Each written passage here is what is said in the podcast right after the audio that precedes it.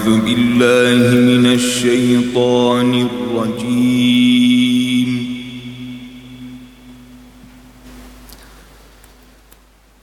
بسم الله الرحمن الرحيم.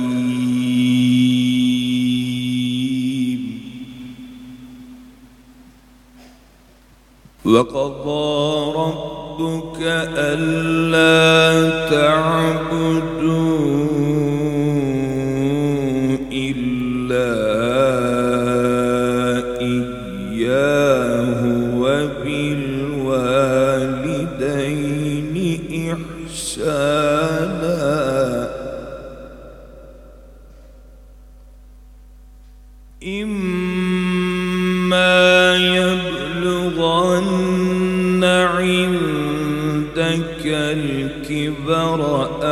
أحدهما أو كلاهما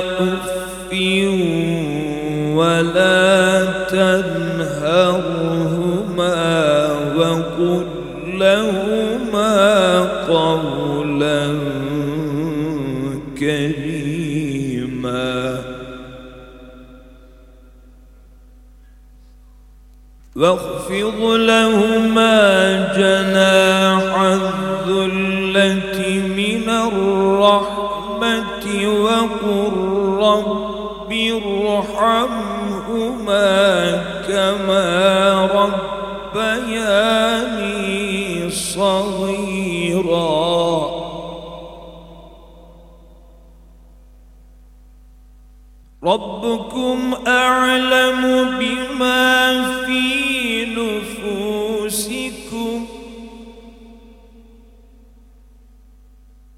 ربكم أعلم بما في نفوسكم. إن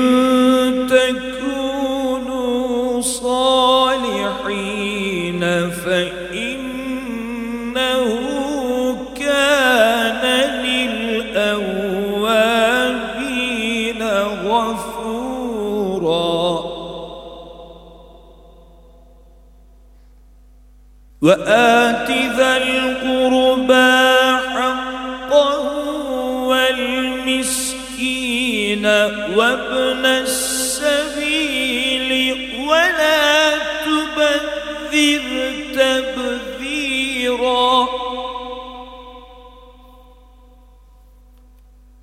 إن المبذرين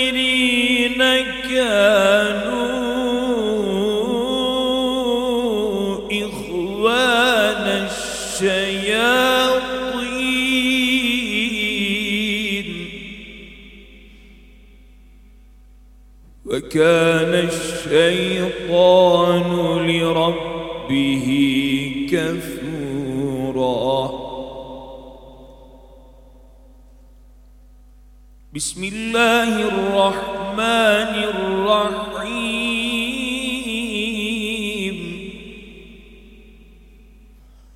ومن آياته أن خلق لكم أنفسكم أزواجا لتسكنوا إليها وجعل بينكم مودة ورحمة. إن في ذلك لآيات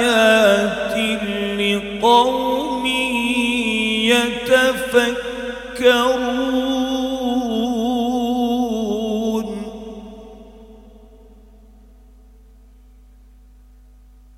بسم الله الرحمن الرحيم.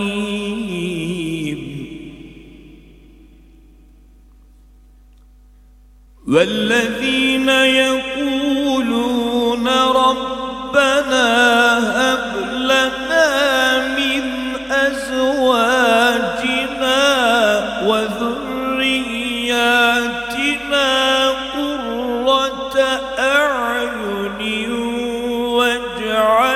واجعلنا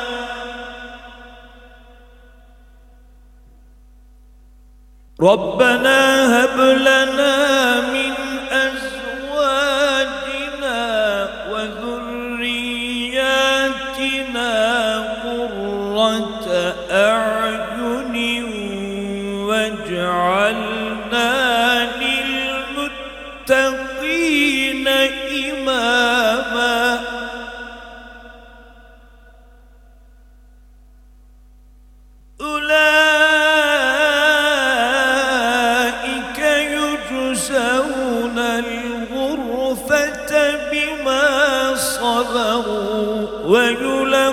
ويلقون فيها تحية وسلاما. أولئك يجزون الغرفة بما صبروا ويلقون فيها تحية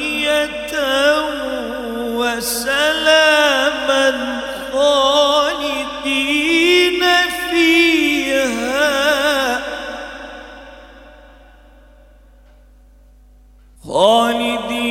فيها. حسنت مستقرا ومقاما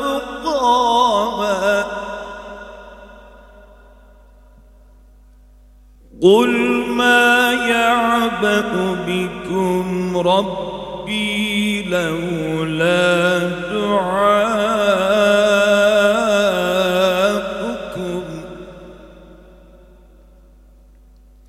فقد كذبتم فسوف يكون لزاما صدق الله العظيم. سبحان ربك رب العزة عما يصفون. وسلام على المرسلين.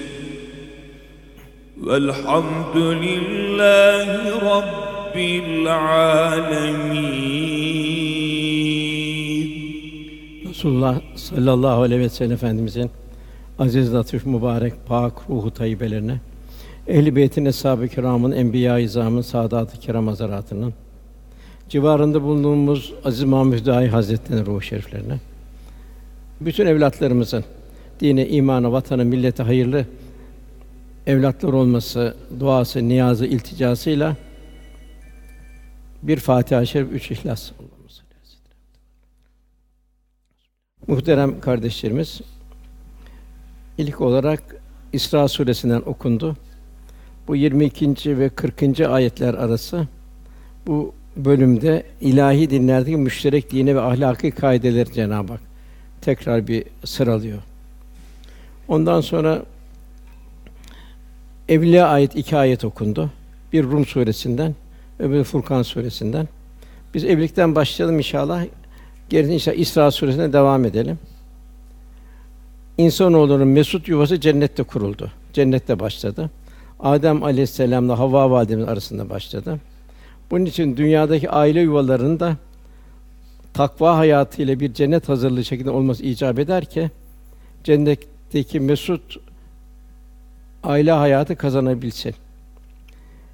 Evlilik hayatı her şeyde olduğu gibi bize derin bir tefekküre sevk etmektedir. Milyonlarca kişi içinden birbirini hiç bilmeyen iki kişinin kaderi birleşiyor. Yarın ayrıldıkları ana baba evinden kurdukları yuva kendine daha sıcak gelecek. Yavrular olursa onlar da aile hayatının meyveleri olacak. Ayet-i kerime bu hususta 21. Rum suresinde kaynaşmanız için size kendi cinsine eşler yaratıp aranızda liteskünü huzur ve sükûnet yani ailede huzur olursa bu huzur hayatın her safhasını sirayet eder. Meveddeten sevgi muhabbet yani süflü muhabbetler kalkacak. Yerine ulvi muhabbetler olacak. Ve bu kademe kademe ulvi muhabbetler Cenab-ı Hakk'a muhabbete götürecek. Çünkü muhabbetin menşei Cenab-ı Hak. El vedud Cenab-ı Hakk'ın muhabbet esbası. Bütün mahlukattaki olan bu muhabbet Cenab-ı Hakk'ın el vudud sıfatından bir tecelli. Velhâsıl muhabbetin merkezi Cenab-ı Hak, aile hayatı, eşlerin muhabbetin merkezine yönlendirilirse sevginin hakiki lezzeti tadılmış olur. Rahmeten buyuruluyor üçüncü madde olarak. Bilhassa birbirine rahmet olmalı evliliklerin. Birbirine destek olacak. Bilhassa yaşlıkta birbirine baston, birbirinin dert ortağı olacak. Böyle bir huzurlu bir yuva olacak. Cenab-ı Hak böyle bir yuva istiyor. Diğer okunan ayette ise Rabbena heb lena min ezvacina ve zurriyatina kurrete a'yun ve cealna muttakin imama. Cenab-ı Hak bir zevceler yani bir aile hayatı. Orada anne ümmül medrese olacak. Göz nuru olacak. Kurrete a'yunu göz nuru olacak anne. Demek ki öyle anneleri yetiştirmek lazım. Bilhassa efendimiz buyuruyor. Evlatlarına müsavat yapın. Fakat kız evlatlarına daha çok itina gösterin. Çünkü nesil oradan gelecek.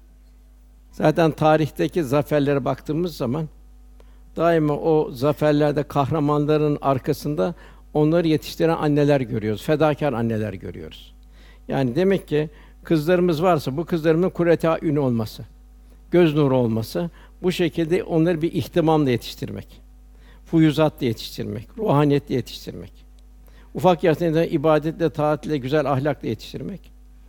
Oradan gelecek nesil kurreta ayun o nesil de evlatlar da güzel bir evlat olacak, güzel bir nesil olacak. Toplumun aile yapısı en küçük ünitesi olmuş oluyor.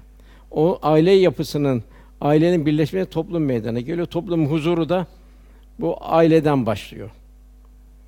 Daha evvelden evlatları yetiştirmekte başlıyor.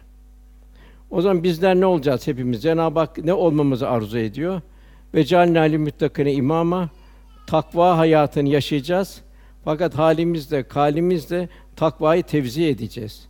Yaşayacağız, yaşatacağız ve takvada önder olacağız. Cenab-ı Hak böyle bir toplum bizden arzu ediyor. Huzurlu bir toplum. İşte misal asr saadet toplumu, Ömer bin Abdülaziz'in toplumu, Osmanlı'nın zaman zaman devam eden bu tip toplumları Cenab-ı Hak bizden böyle bir toplum, dünyada da huzur, kabirde de huzur, ahirette de huzur. Huzurlu evlilikte yine beş tane şart bildiriliyor. Birincisi muhabbet. Muhabbetin menşei Cenab-ı Hak'tan iki tarafın Allah rızasına uygun bir şekilde halini arttırması. Evlilik hayatı bir mahfi bir hayattır ve bu mahfi hayatta iki tarafında birbirinin takvasını arttırması, birbirinin ruhuna girecek damarlar bulması, Cenab-ı Hakk'ın rızasını kazanmaları. Demek ki birinci muhabbetin ruhani muhabbet olması, ibadetle, taatle, karşı muhabbetler, sevgilerle. İkinci sadakat. Birbirine eşler sadık olacak, sadakat olacak. Zor zamanlarda tarafların fedakarlığı olmuş olacak. İşte bir sadakati düşünelim. Bir Hatice validemizin sadakati dolayısıyla Hatice validemizin vefat ettiği sene hüzün senesi dendi. Karşılıklı sevgi olacak, muhabbet olacak, saygı olacak, karşı saygı. Yani samimiyet olacak, laubalik olmayacak. Vakar olacak, kibir olmayacak. Tevazu olacak, zillet olmayacak. Evlilikte bu hudutlar karşılıklı olarak iyi korunacak. Sabır olacak. Taraflar zor zaman birbirinin güzel huyunu düşünecek. Arada münakaşa olmayacak. Olursa da çocukların dışında olacak. Çocuklara bu münakaşa zarar vermeyecek. Beşinci mesuliyet. Taraflar birbirine vazifelerini ihmal etmeyecek. Adın bir hukuk başlıyor. İki tarafın anne babaları aynı anne babalar olacak. Bilhassa emanet olan yavrularını hayır hasenat ile teçhiz edilecek. Cenabı inşallah kurulan bu yuvanın bu hudutlar içinde olması, bu muhtevada olmasını Cenab-ı Hak ihsan eylesin, ikram eylesin inşallah. İlk okunan İsra suresinin 22. ayetten itibaren ve kadâ rabbuke olarak başlayan Cenab-ı Hak burada buyuruyor ki Rabbin sadece kendisine kulluk etmenize. Kulluk yaratılış sebebimiz liya bunun liya'rufun kalpte Cenab-ı Hakk'ı tanıyabilmek, kalp merhaleler kazanacak, marifetullah'dan nasip alacak. Birinci şart Cenab-ı Hakk'a itaat. Resulüne itaat, kitabına itaat, duygulu bir yürek meydana gelecek. Bu yürek bir rahmet tevzi edecek. İkincisi anne babanıza da iyi davranmanızı kesin şekilde Allah emretti buyuruyor. Bilhassa anne babalar salihse, salihaysa on çok çok daha ihtimam edilecek. Onlardan biri veya ikisi ihtiyarlarsa Cenab-ı burada bir talimat sakın ha üffin deme, üf deme buyuruyor. Şimdi insan çocuğuna üf der. Fakat bu anne baba ihtiyarlar zaafa uğrar, vücudun zaafı uğrar, zihni melekeler zaafa uğrar ve men nuammirhu nekkisu fil halk yaratılış tersine döner. Orada bu melekeler azaldığı zaman ufak tefek uygunsuz bir çocuksu haller olur. Cenab-ı Hak sakın ha üf deme buyuruyor. Yani bir vefa, anne babaya vefa. Onları sakın azarlama. İkisine de kavlen kerima buyuruyor. Kavlen ona ikramkar söz söyle. Gönüllerini al onu. Demek ki bu ayet-i kerimeden anladığımız sağ iken anne babayı bir nimet bilmek. Anne babanın dualarını almak, o şekilde bir ecir tahsil edebilmek. İkincisi de eğer onlar vefat etmişse vefatlarından sonra onlar için hayırlar yapabilmek. Kur'an-ı Kerim okutmak, okumak, hayır hasenat yapmak, onda hayırla rahat etmek. Bilhassa efendimiz buyuruyor, kabre düşen insan bataklığa düşen bir insan gibidir. Daima dünyadan imdat bekler. En çok ana babaya, bütün akraba tabiiden yardım, onların arkadan hayır hasenat, onları okumak, onlara dua etmek. Efendimiz minbere çıktı. Üç sefer amin amin amin buyurdu. Sahabe dediler ki ya Resulallah bir muhatap yok. Yani ne var ki amin dediniz? Efendimiz buyuruyor Cebrail geldi. Üç şey üzerinde ikaz etti. Ana babası yaşlanır, bigane kalır. Allah'ın rahmeti ondan uzak olsun dedi. Beddua bir noktada. Tabi ikaz. İkincisi Resulüm senin ismin geçer. Allah'ın en büyük lütfu, en büyük hediyesi insana. En büyük varidatı bigane kalır, o da rahmetten uzak olsun. Üçüncü Ramazan-ı Şerif gelir. Herhangi bir şey gibi Allah'ın bu rahmetin tuyan ettiği bir ayın icabını yerine getirmez, bigane kalır, o da rahmetten uzak olsun dedi. Velhasıl ayette Allah'a kulluk edebilmek, anne babaya iyi davranmak emredilmektedir. Devam eden 24. ayette ise yine devam ediyor anneye babana olan ihtiram. Onları esirgeyerek alçak gönüklü üzerlerine kanat ger diyor Cenab-ı Hak. Rabbim küçüklüğümde onlar beni nasıl yetiştirmişlerse o merhamet, o şefkatle şimdi sen de onlara öyle rahmet et diye dua et. Demek ki Cenab-ı Hak emri ilahisi bunu bilhassa anne babalara karşı olan hele bir anne baba salihse onların duasını almak en büyük bir nimet. Dünya evine girenler, evliliğe girenler için iki şeyi unutmayacak. Yaşlanan anne babalarını unutmayacaklar. Bir de arkalarından kurrete ayünün göz nuru bir nesil yetiştirmenin gayreti içinde olacaklar. Hayat üç merhale. Birinci merhale çocukluk. Yani acizlik için dünyaya geliş ve himaye edilme zarureti içinde geliyor. İnsan mazisini düşünecek. İkincisi gençlik. Güç kuvvet meydanı ve men nuammir güç kuvvet meydanı. Arkadan güneş küskü filat yaratılış tersine dönecek, yaşladık. Vücut şakirliğinden kayacak. Acizlik başlayacak. Cenab-ı Efela bu ömür verdiğimiz kimse düşünmez mi? Akletmez mi? Gidiş nereye? İnsan velhasıl hayatta bir faniliğin farkında olacak. Buna benzer çok efendimiz zamanından kıssalar var. Fakat ondan sonra gelen ayet 25. ayet Cenab-ı Hak Rabbiniz sizin kalbinizdekileri çok iyi bilir.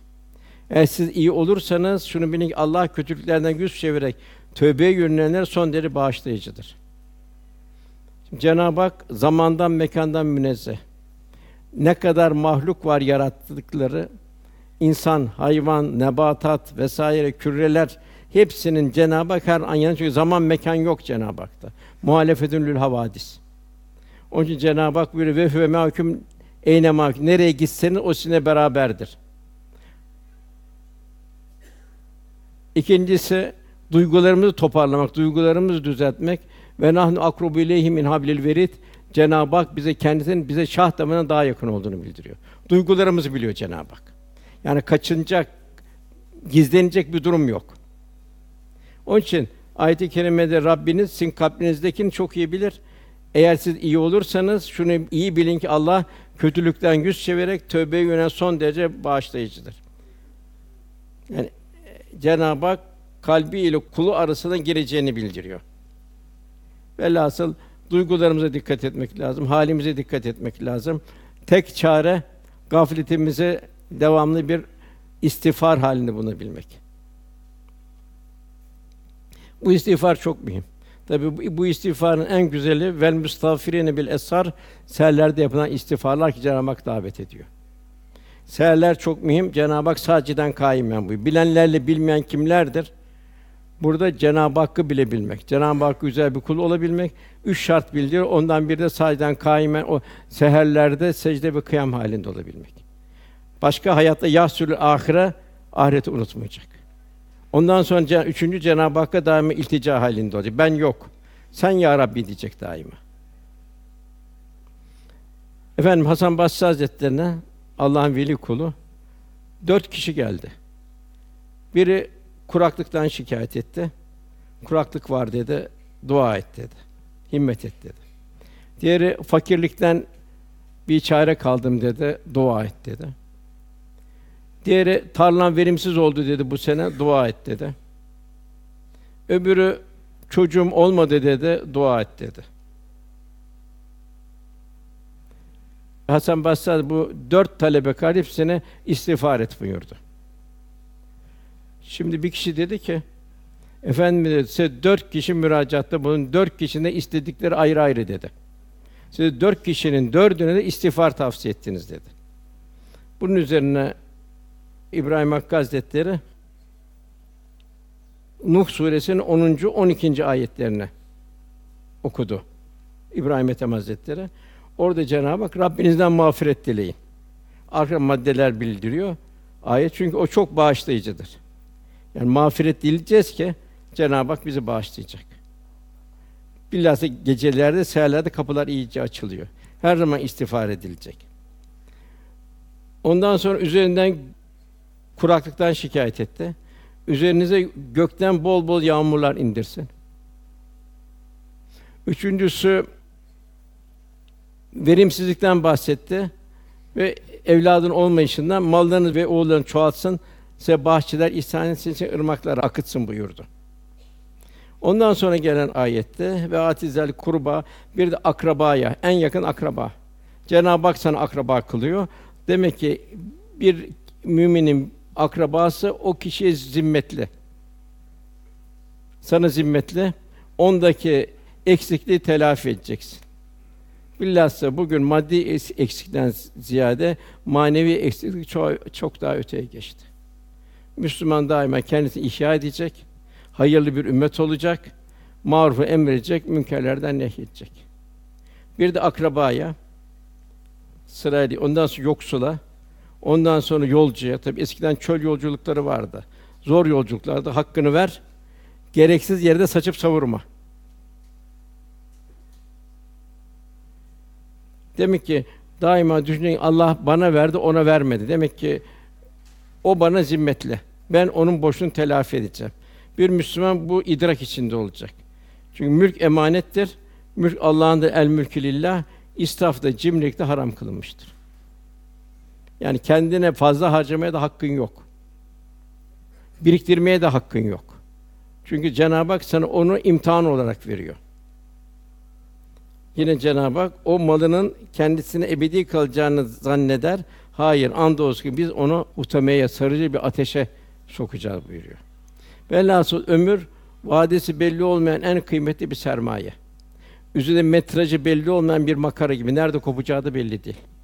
Onun için efendimiz yarın diyenler helak oldu. Her an kul hazırlıklı olacak. Zira bunu nefsin mayasında fanilik olduğu için Cenab-ı Hak faniliği istemez. Öleceğini bilir ama daha çok vakit olduğunu zanneder. Mal ile kendimizi istikbale hazırlayabilmek. Mühim olan o. Efendimizden bir hadis-i şerif geliyor.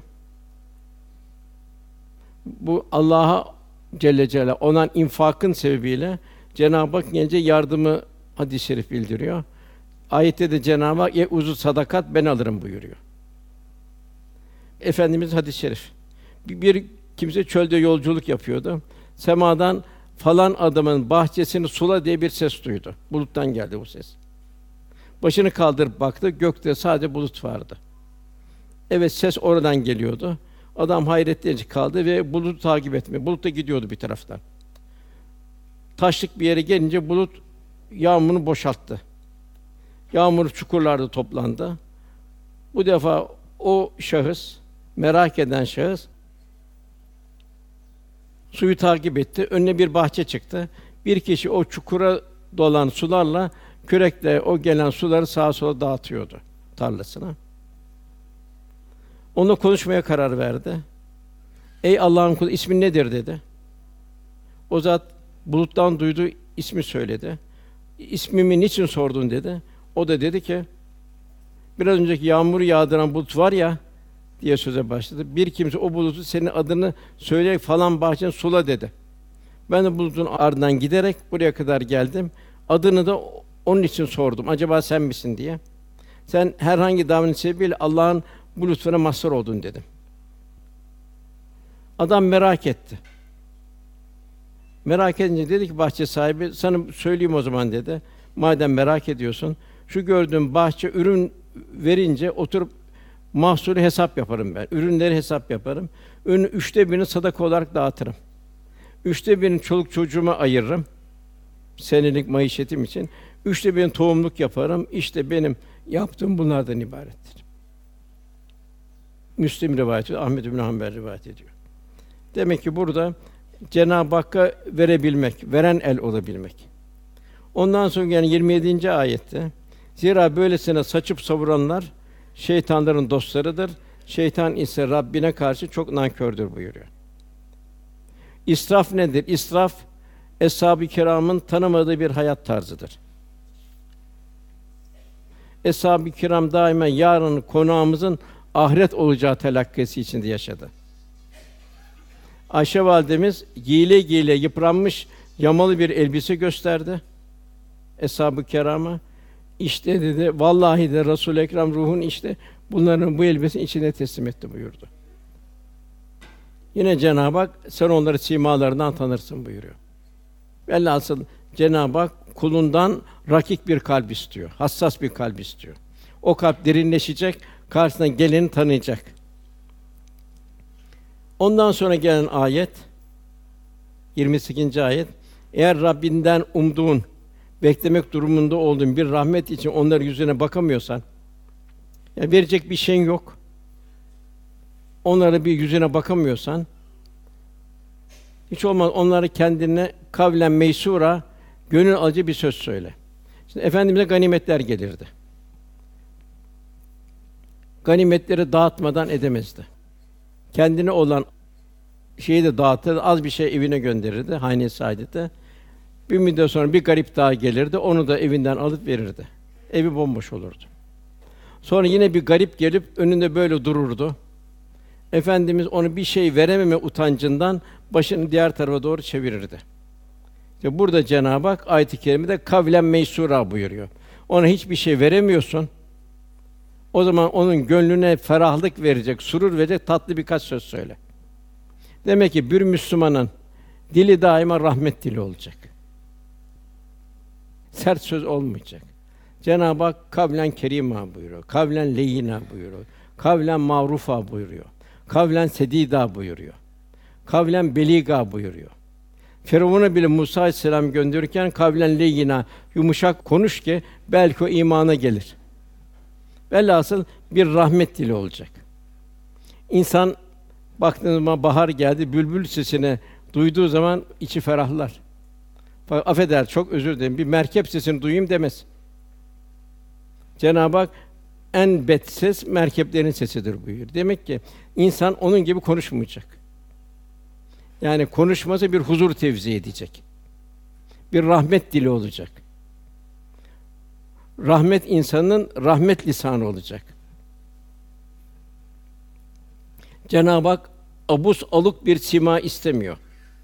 Çatık kaşı müsaade yok. Yine Bakara 260. ayette güzel söz ve bağışlama arkadan incitme gelen sadakadan daha iyidir buyuruyor. Demek ki güzel söz, bağışlama inciten bir sadakadan daha mühim oluyor. Sadaka veriyor, incit al diyor, bunu sana verdim diyor. Kendine bir paye veriyor. Halbuki mülk Allah'ın. Onun fetihlerin en muhteşemi kalplerin fethidir. Kavlen meysura. Bir gönül alabilmek. İşte Mevlana diyor ki bir gönül al ki diyor haccı ekber olsun diyor. Yani öyle bir gönül bul diyor. Öyle bir gönle gir diyor. Cenab-ı Hakk'ın cemali safları mazharı olmuş bir gönle gir diyor. O gönül diyor haccı ekber olsun sana diyor. Merhamet Müslümanın alameti farikası olacak. Ziyneti olacak, zenginliği olacak merhamet. Cenab-ı Hak Er-Rahman Er-Rahim esması en çok geçen esması Cenab-ı Hak kulundan da onu istiyor. Sahabi dediler ki efendim merhametten bahsediyor. Ya Resul biz hepimiz merhametliyiz dediler. Evladımız çoluk çoluk civar yok dedi. Esas de merhamet am ve şamil merhamettir. Allah'ın bütün mahlukatını muhtevasını alan bir merhamet. Efendimiz bir yanık bir karınca yuvası gördü, dehşete kapıldı. Allah'ın verdiği bir canı yakmaya kimin hakkı var buyurdu. Mekke fethine giderken 10 bin kişiyle ibret olsun diye ümmetine bir dişi köpek yavrularını emziriyordu. Suraka isminde bir sahabeyi dikti. Oraya gelen şey öbür taraftan geçtiler. Beytülmal'den hayvanlar verdi efendim, zekat hayvanları verdi. Verirken tembih ederdi. Bak dedi bunları üzerine dedi tozlu toprakta bırakma de, dedi. Evine söyle tırnaklarını kessinler sütlerini alırken ve tamamen de almasın yavrusuna bıraksınlar. Bir kişi bıçağı önünde biliyordu hayvanın. Kaç sefer öldürüyorsun hayvanı? Dış arkada bil, olmaz mı buyurdu. Velhasıl bir mümin Cenab-ı Hak Resulü ile bir merhamet tevzi ediyor. En büyük peygamber ümmet kıldı. Kur'an-ı Kerim bir rahmet tevzi ediyor. Er-Rahman allemel Kur'an. Ve nünezzül miner Kur'an ma ve şifaen ve rahmetün müminin. Bilhassa bizden de isteyen Sümmeletüs enine yevmizin anineyim o gün verdiğimiz nimetlerden sorulacaksınız. Bir Müslümanda daha merhamet ve şefkat tevzi edecek bir rahmet insan olacak. Zira Cenab insanlar arasından çıkarılmış en hayırlı ümmetsiniz. Marufu emreder, münkerleri nehyedersin buyuruyor.